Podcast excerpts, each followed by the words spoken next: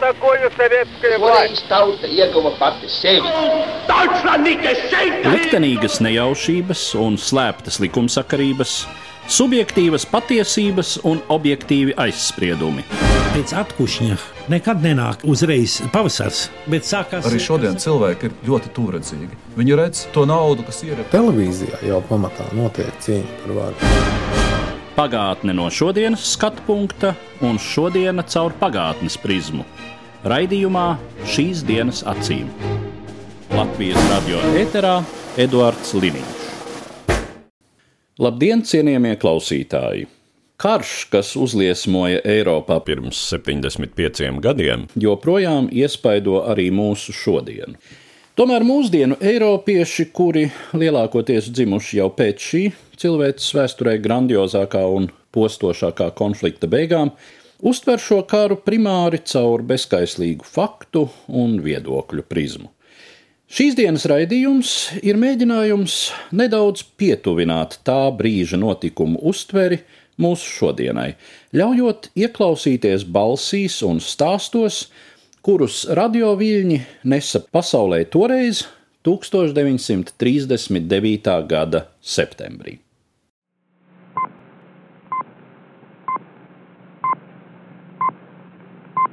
This is the national program from London. The first news, copyright reserved. These are today's main events. Germany has invaded Poland and has bombed many towns. Parliament was summoned for six o'clock this evening. 1939. gada 1. septembris atnesa radioklausītājiem Lielbritānijā satraucošas ziņas. Raidsabiedrība BBC Londonā ziņoja. Šīs dienas galvenais notikums - Vācija ir uzbrukusi Polijai un bombardējusi daudzas pilsētas. Pulksten sešos šo pēcpusdienu izziņota parlamenta sēde. Valsts padomes sēdē šo pēcpusdienu karalis parakstījis pavēli par armijas, flotes un gaisa spēku mobilizāciju. No pusdivpadsmitiem rītā līdz pusdiviem notika ministru kabineta sēde, kamēr abas parlamenta palātas aicinātas uz sēdi sešos vakarā. The British cabinet met from half past 11 this morning until half past 1, and both houses of parliament were summoned for 6 o'clock this evening. Tikām uz ārkārtas sēdi Berlīnē bija pulcējies arī Vācijas Reichstāgs. Ar izsaucieniem Heil deputāti sagaidīja Vācijas vadoni Ādolfu Hitleru. Viņa runu tiešraidē translēja daudzas pasaules raidstacijas. Frankreich war und ist eine deutsche Stadt. Alle diese Gebiete verdanken ihre kulturelle Erschließung ausschließlich dem deutschen Volk. Danciga bija un ir vācu pilsēta. Poļu koridors bija un ir vācu zeme. Abām šīm teritorijām par savu kultūrālo attīstību jāpateicas vienīgi vācu tautai. Bet Danciga tika no mums atšķelta, un koridora zemes anektēja Polija. Un tāpat kā citās vācu teritorijās austrumos, vācu minoritāte šeit tika apspiesta visnežēlīgākajā veidā. Mit Polen in der gleichen Sprache zu reden, mit der Polen und seit Kā visās savās tā laika uzstāšanās par starptautisko attiecību tēmu, arī šajā Vācijas vadonis, kurš nu pat bija devis pavēli uzbrukt Polijai, ņēmās pierādīt, ka Vācija patiesi ir tiekusies pēc problēmas mierīga atrisinājuma, ka visi tās saprātīgie priekšlikumi ir noraidīti, un nu neatliekot nekas cits kā cīnīties par savām un savu nabaga apspiesto tautiešu interesēm. Kā situācijas vaininiekus Hitlers iztēloja Lielbritānijas un Francijas vadītājus un, protams, poļus. Polijai Vācijas līderis pārmeta agresiju, acīm redzot ar to domādams pirmkārt tā saukto Gleivicas incidentu, kura laikā poļi it kā uzbrukuši raidītājam Vācijas teritorijā. Vēlāk gan izrādījās, ka šis incidents ir pašu vāciešu inscenēta provokācija.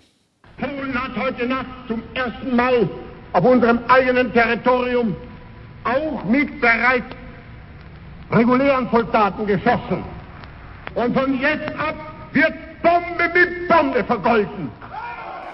Šonakt pirmo reizi poļu armijas karavīri atklāja uguni mūsu teritorijā. Kopš 5,45 minūtēm mēs atbildam ar uguni uz uguni, un kopš šī brīža uz bumbām tiks atbildēts ar bumbām. Ja kāds izmantos cīņā indīgās gāzes, pret to tiks vērstas indīgas gāzes. Ja kāds atkāpjas no civilizēta kara likumiem, viņš var no mums sagaidīt vienīgi to pašu. Es turpināšu šo cīņu, vienalga pret ko, kamēr vien reiha drošība un tiesības nebūs nodrošinātas. Var jau būt, ka kādu Hitlera retorika arī spēja pārliecināt, taču ne jau valdības Londonā un Parīzē. Britu un franču valsts vīri, kuri pēdējos gados patiešām bija centušies saglabāt mieru ne tikai vārdos, tagad uzskatīja, ka Vācija ir pārkāpusi kritisko robežu. Kara neizbēgamības izjūta arvien pieauga, sevišķi jau līdz ar vācu militārās mašīnas graujošajiem panākumiem Polijā. Izšķirošais brīdis pienāca 3. septembrī, Lielbritānijas un Francijas valdības šai dienā pieteica Vācijai karu. Britiem to ziņoja viņu premjerministrs Nevils Čemberlens. I am speaking to you from the cabinet room at 10 Downing Street. This morning, the British ambassador in Berlin handed the German government a final note stating that unless we heard from them by 11 o'clock that they were prepared at once to withdraw their troops from Poland, a state of war would exist between us. I have to tell you now that no such undertaking has been received, and that consequently this country is at war with Germany. You can imagine Es jūs uzrunāju no ministru kabineta telpām Downing Streetā 10. Šorīt Britu sūtnis Berlīnē iesniedza Vācijas valdībai pēdējo notu, pavēstot, ka ja līdz 11. mēs nesaņemsim no viņiem ziņu par nekavējošu sagatavošanos karaspēka atvilkšanai no Polijas, starp mums iestāsies kara stāvoklis. Man jums tagad jāpaziņo, ka nekāds attiecīgs paziņojums nav saņemts, un tādējādi šī valsts ir kara stāvoklī ar Vāciju.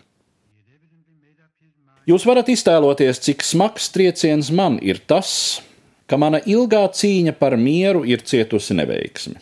Tomēr es nevaru iedomāties, ko vēl es būtu varējis darīt, vai ko būtu varējis darīt citādi, lai iznākums būtu sekmīgāks. Līdz pat pēdējiem brīdim pastāvēja noteiktas iespējas panākt mierīgu un godīgu Polijas un Vācijas konflikta risinājumu, Tomēr Hitlers tās neizmantoja. Viņš nepārprotami bija nolēmis jebkurā gadījumā uzbrukt Polijai. Un kaut arī tagad viņš apgalvo, ka izteicis saprātīgus priekšlikumus, kurus poļi noraidījuši, šis apgalvojums nav patiesis. Ne poļi, ne mēs šādus priekšlikumus nekad neesam saņēmuši. Lai arī Vācijas radio šos priekšlikumus ceturtdienas vakarā izziņoja, Hitlers nesagaidīja atbildi, bet pavēlēja saviem spēkiem jau nākamajā rītā šķērsot Polijas robežu. Viņa rīcība pārliecinoši rāda, ka nav ne mazāko izredzu jebkad pieredzēt, ka šis cilvēks atteiksies no spēka lietošanas savu mērķu sasniegšanai. Viņu var apturēt tikai ar spēku, un gan mēs, gan Francija šodien, izpildot savas saistības, dodamies palīgā Polijai, kura tik varonīgi aizstāvas pret nekrietno un nekādi neprovocēto uzbrukumu tās tautai.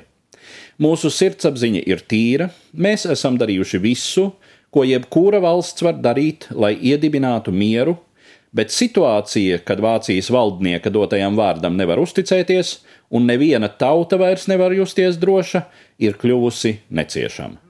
Un nu, kad esam nolēmuši darīt tai galu, es zinu, ka ik viens no jums izpildīs savu lomu nesatricināmi un drosmīgi. We have a clear conscience. We have done all that any country could do to establish peace. But a situation in which no word given by Germany's ruler could be trusted, and no people or country could feel itself safe, had become intolerable. And now that we have resolved to finish it, I know that you will all play your part with calmness and courage. Vēlāk tajā pašā dienā savus pavalsniekus visā pasaulē uzrunāja Lielbritānijas karalis Džordžs VI. For the second time in the lives of most of us, we are at war. Over and over again, we have tried to find a peaceful way out of the differences between ourselves and those who are now our enemies. But it has been in vain. Jau otro reizi mūsu dzīves laikā mēs esam nonākuši kara stāvoklī. Mēs atkal un atkal centāmies rast mierīgu risinājumu pretrunām starp mums un tiem, kuri tagad ir mūsu ienaidnieki. Tomēr tās bija veltas pūles. Mēs esam spiesti iesaistīties konfliktā, jo mums, līdz ar mūsu sabiedrotajiem, jāatbild izaicinājumam, kuru mums met princips, kas, ja ņemtu virsroku, kļūtu liktenīgs jebkurai civilizētai pasaules kārtībai. Tas ir princips, kurš atļauj valstī tās sautīgajā cīņā pēc varas neievērot noslēgtos līgumus un dotos solījumus, kurš ļauj izmantot spēku vai spēka lietošanas draudus pret citu valstu suverenitāti un neatkarību. Šāds princips, kad tam noņemta maska, nepārprotami izrādās nekas vairāk kā primitīvā doktrīna, kas stiprajam ir taisnība. Un ja šāds princips tiktu iedibināts pasaulē, mūsu valsts un visas Britu sadraudzības brīvība būtu apdraudēta. Vēl vairāk, pasaules tautas tiktu turētas baiļu varā, un visām cerībām uz pastāvīgu mieru, uz nodrošinātu taisnīgumu un brīvību visu nāciju starpā būtu pienācis gals. Tāpēc visa tā vārdā, kas mums dārgs, un pasaules kārtības un miera vārdā, ir neiedomājami, ka mēs nepieņemtu šo izaicinājumu. Mūsu uzdevums būs grūts. Mūs var sagaidīt smagas dienas. Karš šodien pārkāpīja kaujas lauka robežas. Taču mēs varam rīkoties tikai tā, kā uzskatām par pareizu, un pazemīgi paļauties uz Dievu. Ja mēs visi un ik viens paliksim nelokāmi uzticīgi mūsu lietai, gatavi katram veikumam vai upurim, ko tā var prasīt, tad ar dievpalīgu mēs uzvarēsim. Lai viņš mūs svētī un pasargā!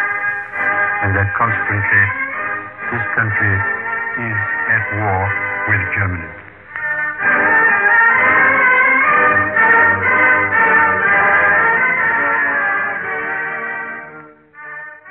Tajā pat dienā savu nāciju uzrunāja arī Francijas prezidents Eduards Daladie. Francijas ļaudis Kopš 1. septembra rītausmas Polija ir kļuvusi par visbrutālākās un visciniskākās agresijas upuri.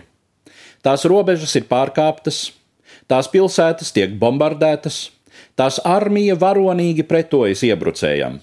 Atbildība par šo asins izliešanu pilnībā gulstas uz Hitlera valdību. Miera liktenis ir Hitlera rokās. Viņš ir izvēlējies karu. Anglija un Francija ir neskaitāmas reizes mēģinājušas nosargāt mieru. Vēl šorīt tās nosūtīja uz Berlīni steidzamu vēstījumu Vācijas valdībai, pēdējo reizi apelējot pie saprāta un prasot izbeigt kara darbību un uzsākt miera sarunas. Vācija atbildēja ar atteikumu. Tā jau ir atteikusies atbildēt visiem tiem labās gribas cilvēkiem, kuri pēdējās dienās pacēluši balsis pasaules miera vārdā. Tādējādi Vācija tiecas pēc polijas iznīcināšanas, lai varētu ātri sagrābt varu Eiropā un paverdzināt Franciju. Ceļoties cīņai pret bīstamāko no tirānijām, paliekot uzticīgi dotajam vārdam, mēs cīnāmies par savu zemi, savām mājām, savu brīvību. Es zinu, ka līdz pat pēdējiem brīdim esmu nepagurdams strādājis, lai novērstu karu.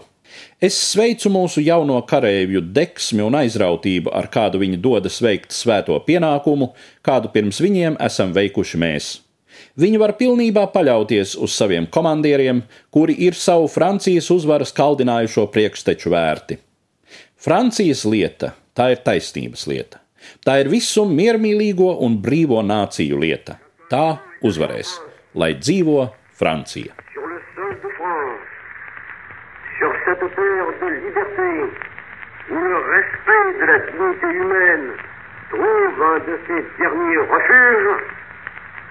Vous associerez tous vos efforts dans un profond sentiment d'union et de pour le salut de la patrie. Vive la France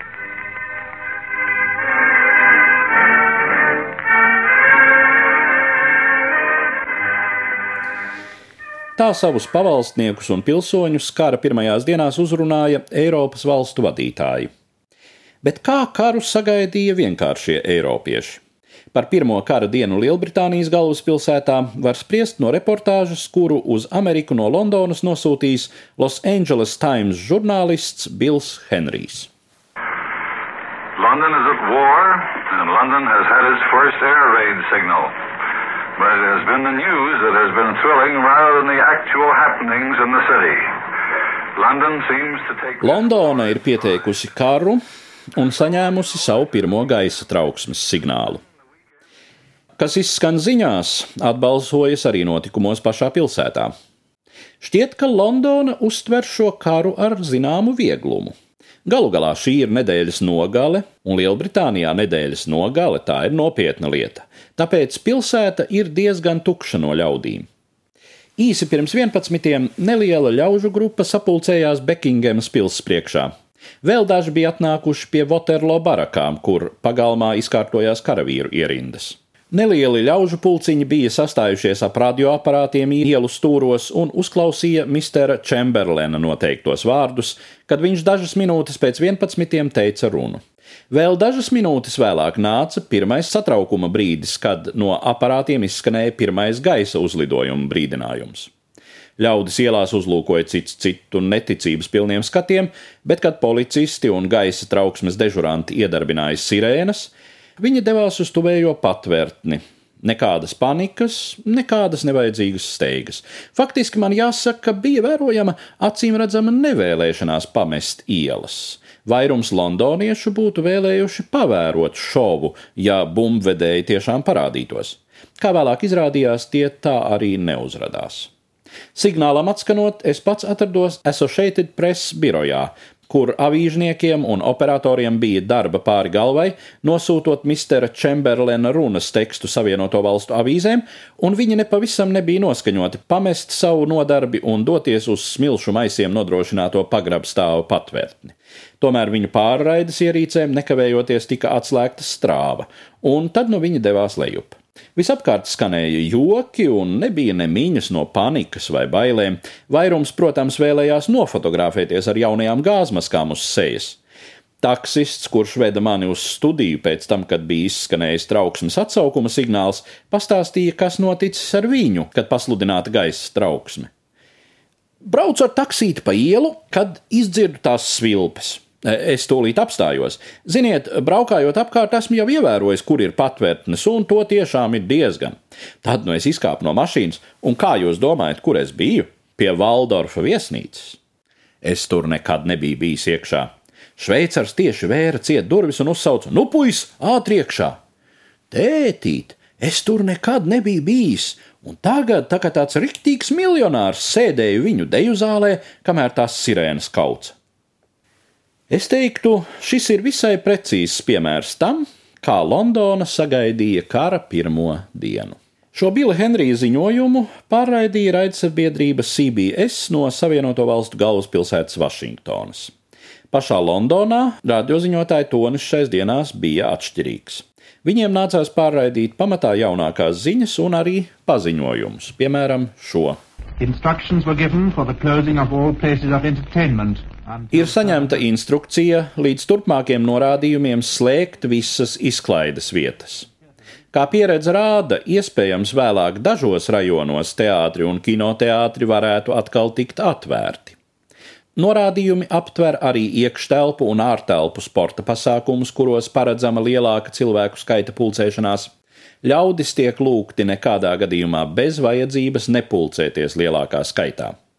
baznīcas un citas publiskās lūkšanu vietas netiks slēgtas.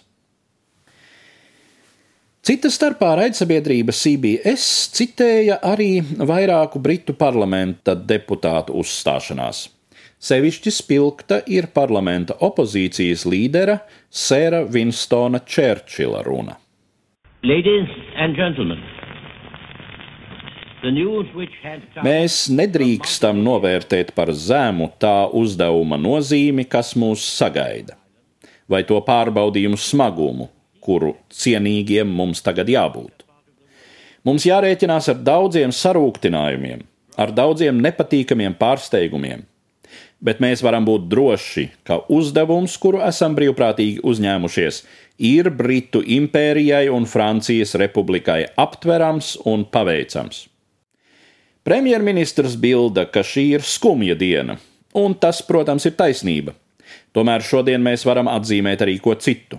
Mēs varam justies pateicīgi, ka, ja šiem lielajiem pārbaudījumiem bija jānāk pār mūsu salu, mums šodien ir britu paudze, kas gatava apliecināt, ka ir sendienu slavas cienīga un to dižo vīru, mūsu zemes tēvu cienīga, kuri lika pamatus mūsu likumiem un veidoja mūsu valsts diženumu. Runa nav par cīņu Dancīgas vai cīņu Polijas dēļ.